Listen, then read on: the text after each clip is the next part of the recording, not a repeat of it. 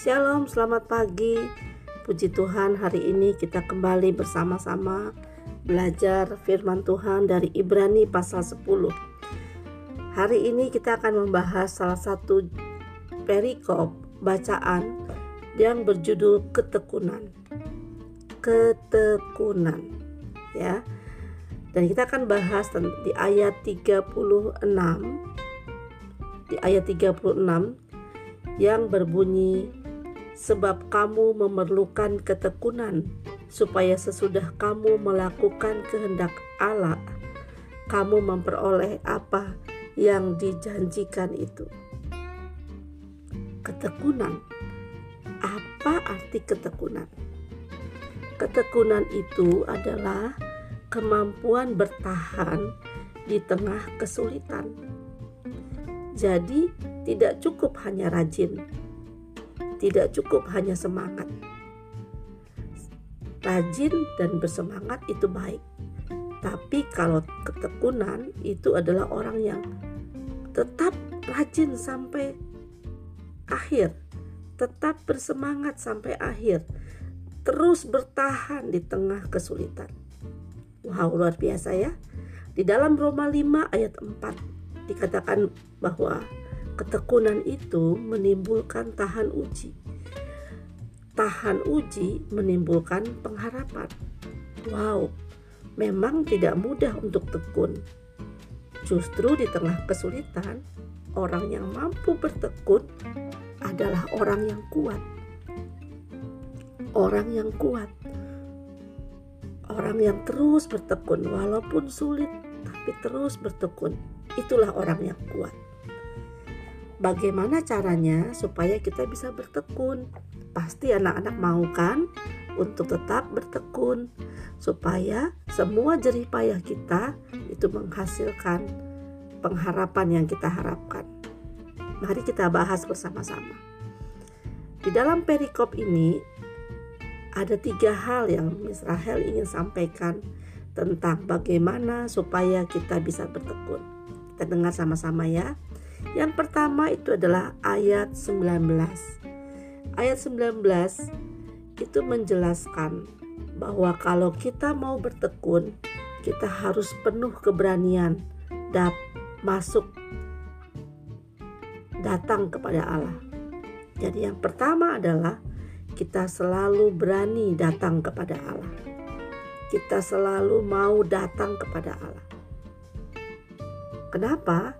Karena sumber kekuatan kita itu ada di sana.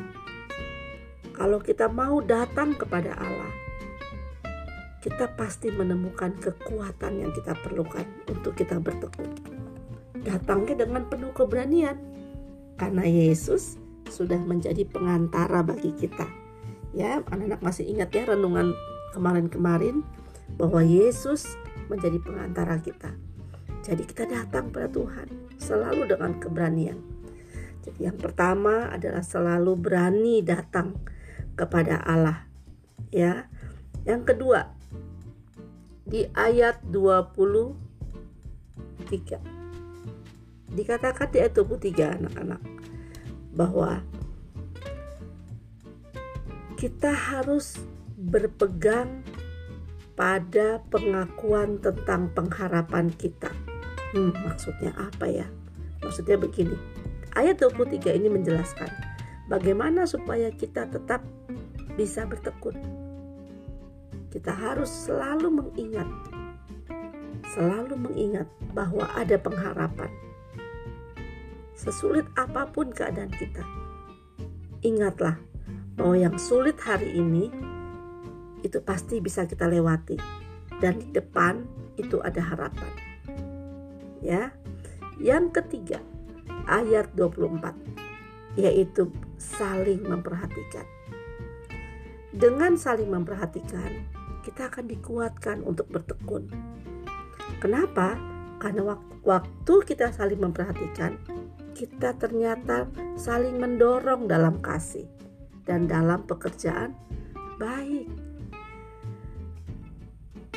Kita akan dikuatkan, kita akan selalu e, mengalami kekuatan karena kita berjalan bersama-sama dengan orang lain.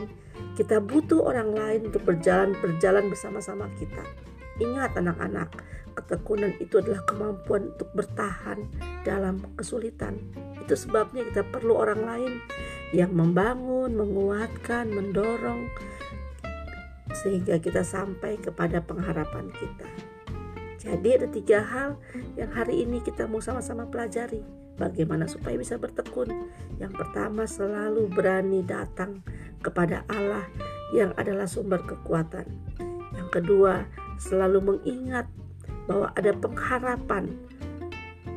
Yang ketiga saling memperhatikan. Puji Tuhan.